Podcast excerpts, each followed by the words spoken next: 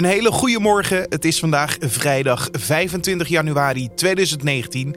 Mijn naam is Carne van der Brink en dit is de Nu.nl Dit Wordt Het Nieuws podcast.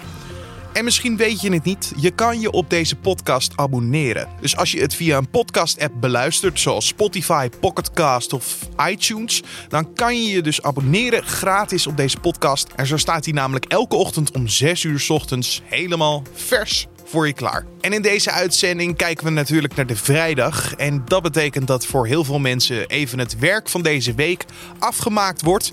En dat je dan uiteindelijk met je collega's of vrienden naar de kroeg gaat voor bijvoorbeeld een vrijdagmiddagborrel. Maar voor de mensen die een biertje nuttigen, kan dit nog wel eens tegenvallen. De prijs van een biertje bij horecagelegenheden stijgt dit jaar waarschijnlijk met zo'n 4%. Is een rondje geven op deze manier niet gelijk een financiële klap in het gezicht? Zou u gewoon nog een rondje geven voor 3 euro per vaasje? Uh, misschien een kleiner rondje, maar en misschien iets minder vaak. Maar ik denk, nou, ik denk over het geheel is, is, is het effect relatief klein. Waar het prijsverschil tussen cafés en supermarkten vandaan komt, dat hoor je zo. En we kijken vooruit op de klassieker van de eredivisie, Feyenoord-Ajax. Gaat Ajax het gat groter maken tussen beide clubs? Of gaat het legioen zorgen voor een mooie thuiswinst? We gaan straks vooruitblikken. Maar eerst kijken we naar het belangrijkste nieuws van nu. De Venezolaanse president Nicolas Maduro heeft donderdag gezegd dat hij de ambassade en de consulaten in de Verenigde Staten sluit en het personeel zo snel mogelijk terughaalt. Een dag eerder verbrak Maduro de diplomatieke betrekkingen met de Verenigde Staten. Amerikaanse diplomaten hebben tot zondag de tijd het Zuid-Amerikaanse land te verlaten. Maduro stelt dat de oppositie een coup probeert te plegen met steun van de Amerikaanse autoriteiten, die op hun beurt mee zouden willen regeren in de Venezolaanse regering. Ondertussen zijn er weer duizenden mensen de straat op gegaan in Venezuela om tegen Maduro te protesteren. En de Verenigde Staten adviseren alle Amerikaanse staatsburgers te vertrekken uit Venezuela Daarnaast trekt het land ook een deel van het ambassadepersoneel terug. Het personeel dat nodig is tijdens noodsituaties blijft nog wel in Venezuela.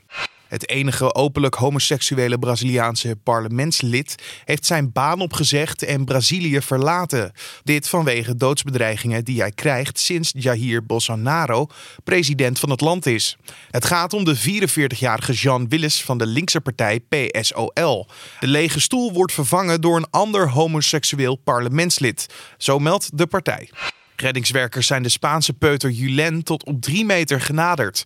Dat denken ze in ieder geval op basis van echo's die zijn gemaakt. Julen zit sinds zondag 13 januari vast in een 110 meter diepe put bij de Zuid-Spaanse plaats Totalan. Het gat waardoor hij is gevallen is erg smal, waardoor reddingswerkers een nieuwe tunnel moeten graven. Of Julien echt op de gedachte plek zit, is nog niet met zekerheid te zeggen. De mijnwerkers zijn de hele nacht doorgegaan met werken om bij de jongen te komen. Wanneer ze Julien bereiken, is nog niet bekend. Het Rijk heeft meer kunst van de koninklijke familie gekocht dan voorheen bekend was. In de jaren 80 zijn kunststukken die bij het Paleis Het Loo en Huis ten Bosch horen aangekocht door het Rijk. Dat laat het ministerie van Onderwijs, Cultuur en Wetenschap en de Rijksvoorlichtingsdienst weten na vragen van NRC. Wat er precies is gekocht en hoeveel dat heeft gekost is nog niet bekendgemaakt. In ieder geval twee Japanse lakkabinetten en een erg kostbare spiegel zijn in de jaren 80 overgenomen van de koninklijke familie. En dan kijken we naar de dag van vandaag, oftewel dit wordt nieuws. Het is vrijdag en dat betekent voor heel veel mensen nog even het werk van deze week afmaken. En dan uiteindelijk met je collega's of vrienden naar die vrijdagmiddagborrel. Of gewoon de kroeg in. Voor de mensen die een biertje nuttigen, kan dit nog wel eens gaan tegenvallen. De prijs van een biertje bij horecagelegenheden stijgt dit jaar waarschijnlijk zo'n 4%. Zo liet vaksite Miset Horeca deze week weten. Sinds 2014 is de pilsprijs met ruim 17% gestegen. Alleen, waar komt dat prijsverschil tussen cafés en supermarkten vandaan? Dat vroeg collega Julien Dom aan hoogleraar marketing Tammo Bijmot van de Rijksuniversiteit Groningen. Want hoe kijkt hij naar het nieuws dat een biertje mogelijk 3 euro gaat kosten in een kroeg? Ja, ik heb ervan gehoord en uh, ik ben niet geheel verrast, uh, moet ik zeggen. Dus uh, wat dat betreft uh, ja, is het wel nieuws, maar uh, nou, mij heeft het niet zozeer verrast. Oké, okay, niet zozeer verrast. waardoor dan? Waardoor verklaart u zo'n prijsstijging? Nou, ik denk dat voor een behoorlijk deel zit in de, in de, in de kosten die zijn gestegen voor de horeca. Dus zeg maar personeelskosten. Het is moeilijker om goed personeel te krijgen en, en de kosten daarvan zijn gestegen. En je ziet ook dat ja, brouwerijen heel veel macht hebben richting de horeca om zeg maar, de kostprijs ook, ook verder op te voeren. Dus ik denk dat dat, uh, dat, ja, dat zie je eigenlijk gestaag al. Uh, eigenlijk al, uh, al denk ik, wel zeker tien jaar mm is het geleidelijk aan de prijs aan het stijgen. Ja, nou wat daarover inderdaad. Die prijsstijgingen in tien jaar tijd. Als we even de cijfers erbij halen. Um, in de supermarkt is de prijs zo met 8% gestegen van bier. Terwijl in de horeca tussen 2007 en 2017 de prijs met 45% is gestegen. Het is best wel enorm dat verschil. Ja, dat zit hem natuurlijk aan twee kanten. Je zou kunnen zeggen dat het in de supermarkt heel weinig is gestegen.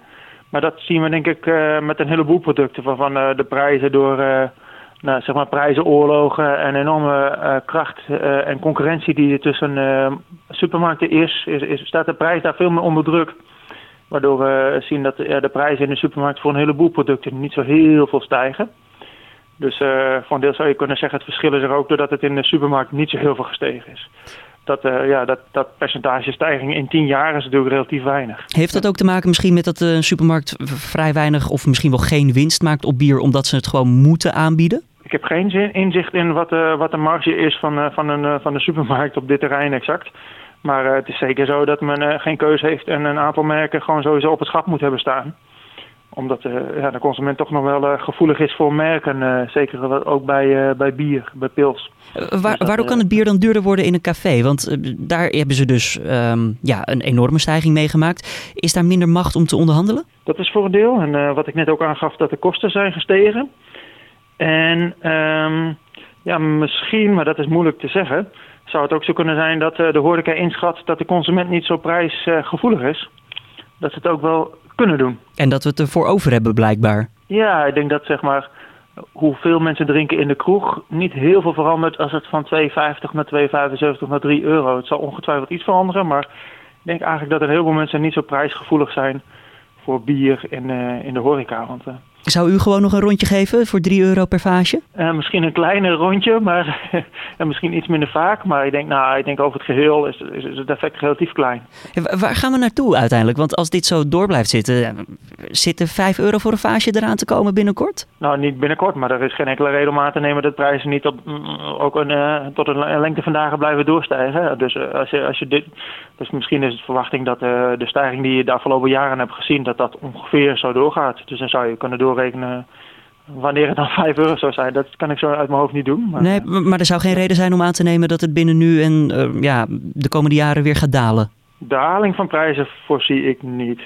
Nog voor bier, nog voor, ja, wel voor elektronica, zeg maar, voor mobieltjes en dergelijke. Maar waarom de bierprijs zou dalen, dat zou ik niet verwachten. U heeft onderzoek gedaan naar uh, prijselasticiteit op het gebied van bier, volgens mij, als ik het gewoon goed heb, toch? Ja, ja um, onder andere. Ja. Is er een moment waarop wij als consument zeggen van nou uh, tot hier en niet verder? Nou, ooit wel eens, maar, het, en, maar, maar ik denk op zich is natuurlijk bier wel een uh, genotsmiddel. En dan zie je dat bij uh, bier en sigaretten en dergelijke dat de prijselasticiteit, zoals dat dan technisch heet, dat die heel laag is. Dus dat mensen relatief weinig hun, hun gedrag aanpassen voor, voor prijsstijgingen. Hetzelfde geldt voor, nou, zeg maar voor benzine en dergelijke. En we hebben zelfs al gevonden voor bepaalde merken dat het zelfs loont om de prijs te verhogen. Omdat nou, de consument gebruikt ook prijs als een kwaliteitsindicator. En je wil ook niet dat je bier te goedkoop is. En uh, dat mensen dan denken, ja, dat, nou, dat kan haast niet goed zijn. Want een, uh, nou, misschien voor bepaalde, voor kleinere brouwerijen of voor eigen merken en dergelijke. En die prijs moet ook weer niet te laag zijn, want dan, uh, nou, dan vertrouwt men het ook niet. Dus ja, een, een, hogere prijs hoeft niet altijd nadelig te zijn. Zeg maar. Vergelijkbaar misschien met een duur luchtje die je cadeau geeft, wordt misschien beter geaccepteerd dan iets wat twee halen, drie, uh, drie halen, twee betalen was bij, de, bij een... Uh, ja. ja, en zeg maar voor, voor luchtjes en voor, voor bier is dat misschien ook wel zo. Of voor whisky, voor een heleboel producten kan de consument eigenlijk niet echt goed zelf een objectief iets over zeggen over de kwaliteit. En dan wordt de prijs gebruikt als, ja, als indicator van hoe goed het is. En als dat zo is, ja, dan is een hogere prijs soms wel, wel, wel leidt tot meer vraag. Omdat een hogere prijs ook suggereert dat het product beter is. En waardoor misschien uh, de, de vraag zelfs zou kunnen stijgen. En dat, uh, dat hebben we ook wel voor sommige biermerken wel eens gevonden. Je hoorde hoogleraar marketing Tammo Bijmot van de Rijksuniversiteit Groningen. Wil je nou meer weten over de prijsstijging van bier? Lees dan vandaag en dit weekend op de site of app van nu.nl een nu weekendstuk over dit onderwerp, geschreven door onze economieredactie. We gaan vooruitkijken op de klassieker van de Eredivisie, Feyenoord-Ajax. Het is een turbulente tijd voor Feyenoord. Ze staan 11 punten achter op Ajax. En de hoofdcoach Giovanni van Bronckhorst maakte gisteren bekend dat dit zijn laatste seizoen is bij Feyenoord. Ajax staat momenteel op de tweede plaats achter PSV en moet er alles aan doen om twee punten verschil in te halen. Daarnaast heeft Ajax deze week ook een miljoenendeal gesloten met FC Barcelona over Frenkie de Jong, die voor 75 miljoen volgend seizoen in Spanje mag gaan voetballen. Maar de grote vraag van dit moment en dit weekend is natuurlijk: gaat Ajax punten pakken in de Kuip of gaat het legioen hier een stokje voor steken? We gaan erover praten met nu-sportredacteur Riepke Bakker. Beide ploegen moesten deze week ook spelen voor een volgende stap in het KNVB-bekerseizoen. Ging het Ajax nou makkelijker af dan Feyenoord? Ja, je kan zeggen dat Ajax uh, nou zondag heel veel problemen en nu was het uh, twee vingers in de neus eventjes Heerenveen oprollen. En Feyenoord, het was niet heel overtuigend, maar uiteindelijk 4-1 winnen van Fortuna. Dus nou, het is weer uh, even rustig bij, bij beide clubs na, na een hectisch weekend. Ja, het was nog wel even spannend op het, bij Ajax op het einde tegen Herenveen bij de beker. Want het leek alsof ze ja, toch nog bijna kwakkelend ten onder zouden gaan. Maar... Nou, ja, dat, dat is wel heel hard gesteld. Ja, het stond 3-0 en er was eigenlijk helemaal, geen, helemaal, helemaal niks aan daarheen. En ja, vlak tijd maakt, maakt Christensen, de, de Deense back die normaal gesproken niet speelt, een enorme blunder is het 3-1. En vlak voor tijd krijgen ze nog een penalty Herenveen. En dan staat Onana op. Nou ja, we hebben het vaak over Lamproe gehad. Nee, Onana is weer terug. En dan zijn ze met het oog op de klassieker heel erg blij mee in Amsterdam. En die bewees tegen Heerenveen ook weer even zijn, uh, zijn waarde. Het is zeker dat Onana zondag ook onder de lat staat. Uh, hij heeft niets overgehouden aan de uh, afgelopen week. Nee, hij was niet helemaal lekker. Ja, niet zeker in het leven, maar bij, bij leven en welzijn. Nee, Onana gaat gewoon spelen. ja, hij heeft nergens last van. Hij is weer beter, hij is niet geblesseerd. Dus het wordt gewoon Ajax in de Kuip met Onana. Dan eventjes uh, ja, Feyenoord. Um, coach uh, Van Bronckhorst heeft natuurlijk bekendgemaakt te vertrekken aan het einde van het seizoen. Wat doet zoiets met een team? Kan je daar iets over zeggen? Nou, ik, ik, ik hoorde vandaag, uh, gisteren, gisteren Martin van Geel bij Feyenoord televisie zeggen...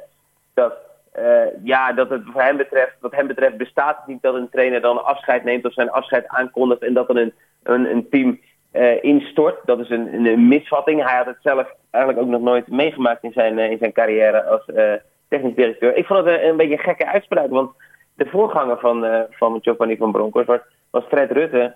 En die zei in februari 2015, ik stop er aan het eind van het seizoen mee. En toen stortte Feyenoord ja, toch wel in één. En dat had tot gevolg dat ja, Fred Rutte nog voor het einde van het seizoen werd ontslagen en Giovanni van Bronckhorst dus dat. Ik denk, Martin ben je daar helemaal kwijt. In ieder geval de voorganger van Van Bronckhorst nam eerder afscheid, Fred Rutte, en daarmee ging het toen mis bij Feyenoord. Ja, het hoeft niet, het, het zegt niet veel. John van der Brom heeft ook al zijn afscheid aangekondigd bij AZ en het loopt nu, als een, uh, nou ja, loopt nu aardig bij AZ. Mm -hmm. Dus wat dat betreft hoeft het, hoeft het het verschil niet te maken, maar het kan misschien net eventjes wat scherpte in het, qua scherpte een verschilletje gaan maken de komende maanden in een spelersgroep. Dat is niet het enige vertrek natuurlijk, want Frenkie de Jong die is verkocht aan Barcelona. Die vertrekt ook pas in de zomer, maar goed, dat is ook een speler die dus weggaat bij Ajax.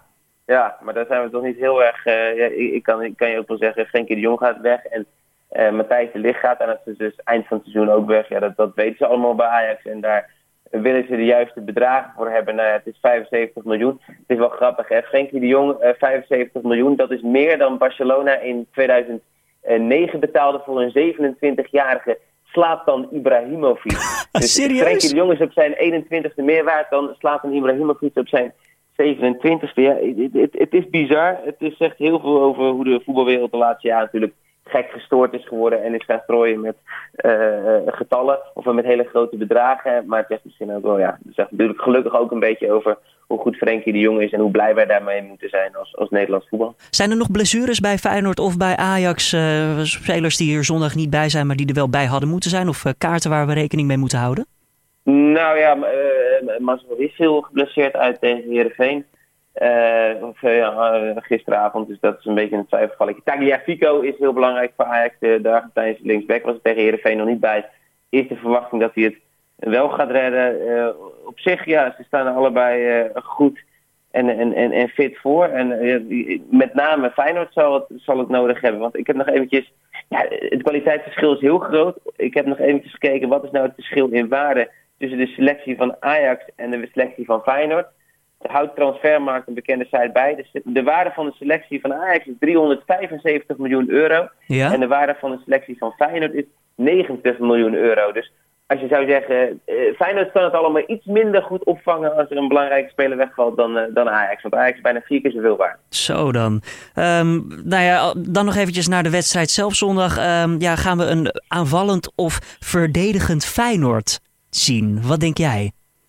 Nou ja, we gaan een... een uh, ik hoop dat we een Feyenoord krijgen te zien, voor, in ieder geval voor de wedstrijd. Dat net zo speelt als PSV. Tegen PSV, toen zaten ze er kort op, ze, ze, joegen alles af, ze, PSV kreeg geen, geen centimeter en dat was de beste helft van Feyenoord dit seizoen. PSV werd die wedstrijd zoals niemand eigenlijk had verwacht met 2-1 verslagen.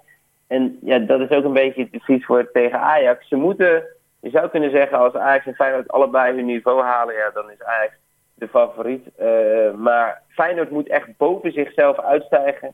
Uh, willen ze Ajax verslaan? Nou ja, dat hebben ze gedaan tegen, tegen PSV. Ja, dat moet weer tegen, tegen Ajax gebeuren in de Kuip. Nou, het legioen heeft Feyenoord in ieder geval achter zich. Ze spelen namelijk aanstaande zondag om half drie in de Kuip in Rotterdam tegen Ajax. Je hoorde nu sportredacteur Riepke Bakker in gesprek met Julien Dom. De rechtbank in Lelystad beslist vandaag of het al dan niet instemt met het verzoek van het Openbaar Ministerie om de strafzaak over de moord op misdaadblogger Martin Kok onder te brengen in het grote onderzoek dat loopt naar een reeks liquidaties die worden gelinkt aan de voortvluchtige crimineel Redouan Taghi. Het verzoek heeft te maken met nieuwe verdenkingen tegen Ashraf B. Het Planbureau voor de Leefomgeving komt met cijfers en een tussenstand over de klimaatregelen van de regering. De verwachting is dat uit de cijfers blijkt dat het kabinet onvoldoende doet om de klimaatdoelen te behalen. De ramingen vormen een belangrijk pijlmoment voor zowel het energieakkoord als voor een eerdere uitspraak van de rechter in de zaak die tegen de staat was aangespannen door Urgenda. De rechter bepaalde toen dat de overheid meer moet doen om de uitstoot van broeikasgassen sneller te verminderen. En dan nog even het weer. De dag begint vrijdag eerst nog met opklaringen, maar al snel trekt er een deken met bewolkingen over het land. Later op de dag gevolgd door neerslag. Dit kan in de vorm van natte sneeuw vallen. Omdat de temperatuur in de loop van de dag boven het vriespunt uitkomt, gaat de natte sneeuw dan over in regen. En in het weekend stijgen de temperaturen verder. En op de valreep nog even dit. De film Bohemian Rhapsody over het leven van Queen-frontman Freddie Mercury maakt geen kans meer genomineerd te worden voor een GLAAD Media Award. Dit vanwege de aantijgingen van seksueel misbruik tegen regisseur Brian Singer. De GLAAD Media Awards worden ieder jaar uitgereikt aan makers van film, televisie en andere media die leden van de LHBTQ-gemeenschap op een positieve manier hebben neergezet. Regisseur Brian Singer is in de afgelopen vijf jaar meerdere keren beschuldigd van misbruik van minderjarige jongens of pogingen daartoe. GLAAD roept de media en de filmwereld op om niet te vergeten in eerste plaats aan de misbruikslachtoffers te denken. Al dus de organisatie in een verklaring tegen de Hollywood Reporter. En dit was dan de Dit Wordt Het Nieuws podcast voor deze vrijdag 25 januari. Je vindt de podcast natuurlijk elke maandag tot met vrijdag om 6 uur ochtends op de voorpagina van nu.nl. En dus in je favoriete podcast app. En zoals ik al zei, vergeet je niet te abonneren. Laat ons weten wat je van deze podcast vindt. Dat kan je makkelijk doen via een mailtje naar podcast.nu.nl of recensie in iTunes. Mijn naam is Carne van der Brink. Voor nu een hele mooie vrijdag en natuurlijk tot maandag.